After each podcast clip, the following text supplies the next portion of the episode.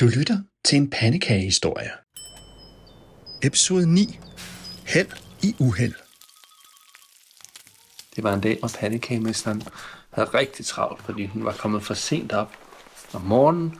Så skulle hun skynde sig ud af døren og løb ned ad trappen, og så væltede hun altså den, de, ned ad de tre sidste trin på trappen fra hendes lejlighed. Og hun slog sig rigtig, rigtig meget på sin ene fod. Brækkede hun benet? Nej, hun brækkede faktisk ikke benet, men hun var faktisk bange for, om det var brækket. Og det gjorde rigtig, rigtig ondt. Forstod du, hun benet? Ja, hun forstuede nemlig benet. Åh, nej. Og hun havde så ondt, at hun kunne slet ikke gå på benet. Nej. Så hun ringede. Hun ringede efter sin pandekageassistent.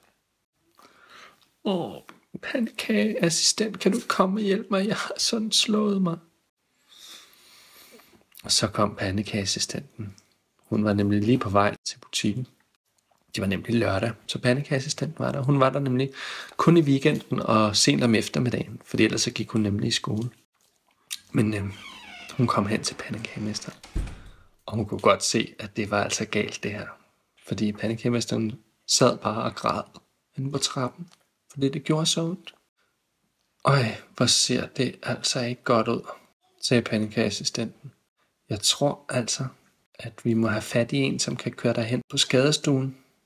Men hvem kender vi, der kan køre dig hen på skadestuen? Altså, jeg har jo min søster, men hun bor jo så langt væk, sagde pandekagemesteren. Så jeg ved nærmest ikke, hvad vi kan finde på. Og så sad de lidt der, og de tænkte sådan, hvad de skulle gøre.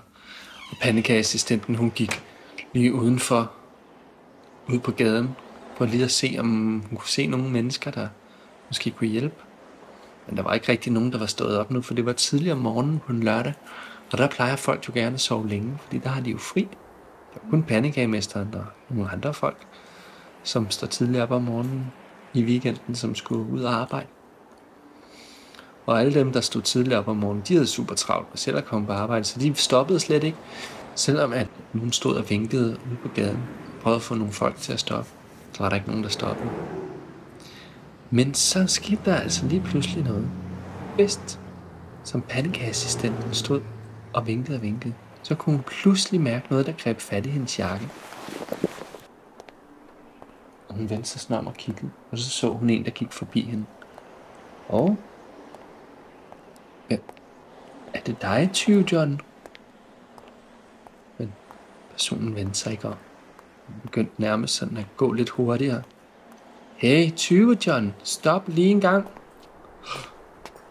Og 20 John, han vendte sig om. Og det var nemlig 20 John.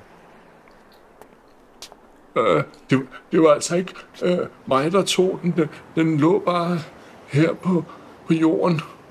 Hvad, hvad snakker du om? sagde pandekageassistent.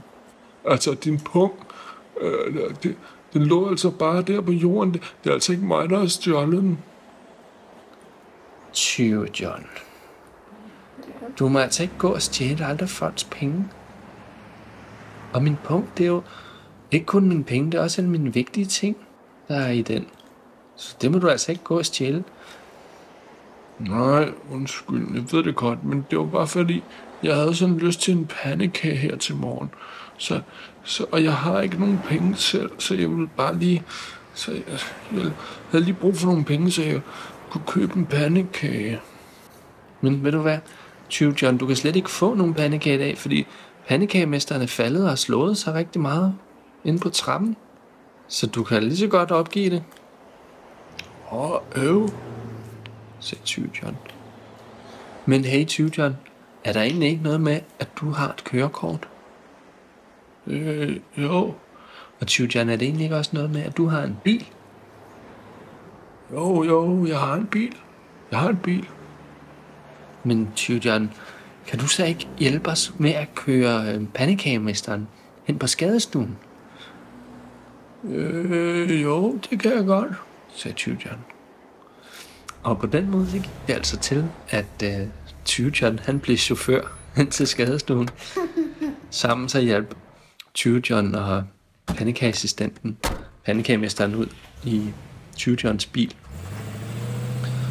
Så kørte de op til skadestuen, og da de kom op til skadestuen, der var der heldigvis ikke så mange, der sad og ventede. Så pandekagemesteren kom hurtigt ind til en læge, som kunne kigge på øh, hendes ben og se, at det heldigvis ikke var brækket. Det var kun en forstuvning, men det er nu også slemt nok, fordi det betød faktisk, at hun skulle gå med kryg om skinne på benet. I næsten to måneder. Åh oh, nej, sagde pandekagemesteren. Hvordan skal jeg kunne have en pandekagebutik? Åh, oh, sagde pandekassisten, Jeg vil gerne hjælpe dig mere, men jeg skal jo også passe min skole. Hey, vent lige lidt. Og så kaldte de på 20 John. Han stod ude og røg en cigaret uden for, ude for skadestuen. Han stod ude med sin bil, røg en cigaret og hostede sådan noget. 20 John, kom lige herind. 20 John, han gik indenfor, men han havde glemt at slukke cigaretten, så der kom hurtigt en hen til ham og sagde, 20 John, du må altså ikke ryge indenfor på skadestuen. Det er altså strengt forbudt. Åh, oh, oh, ja, undskyld, undskyld. Så slog han sin cigaret, så kom han indenfor. 20 John, det var fordi, vi tænkte på, nu pandekagemesteren har slået sig rigtig meget, så har vi altså brug for at have en til at stå i butikken. Og jeg ved jo, at du mangler penge. Ja. Så vi tænkte på, om ikke du kunne være den, der stod i pandekagebutikken og solgte pandekager, fordi pandekagemesteren kan stadig godt lave pandekagerne. Hun kan bare sidde på en stol og lave pandekagerne. Men vi skal bare bruge en, der kan sælge pandekagerne og pakke dem ind til folk, når de kommer i butikken og tage imod pengene. Jo, det kan da godt. Øhm, men altså kun på én betingelse. sagde han. Nå ja, okay, sagde pandekagemesteren. Hvad er det for en betingelse?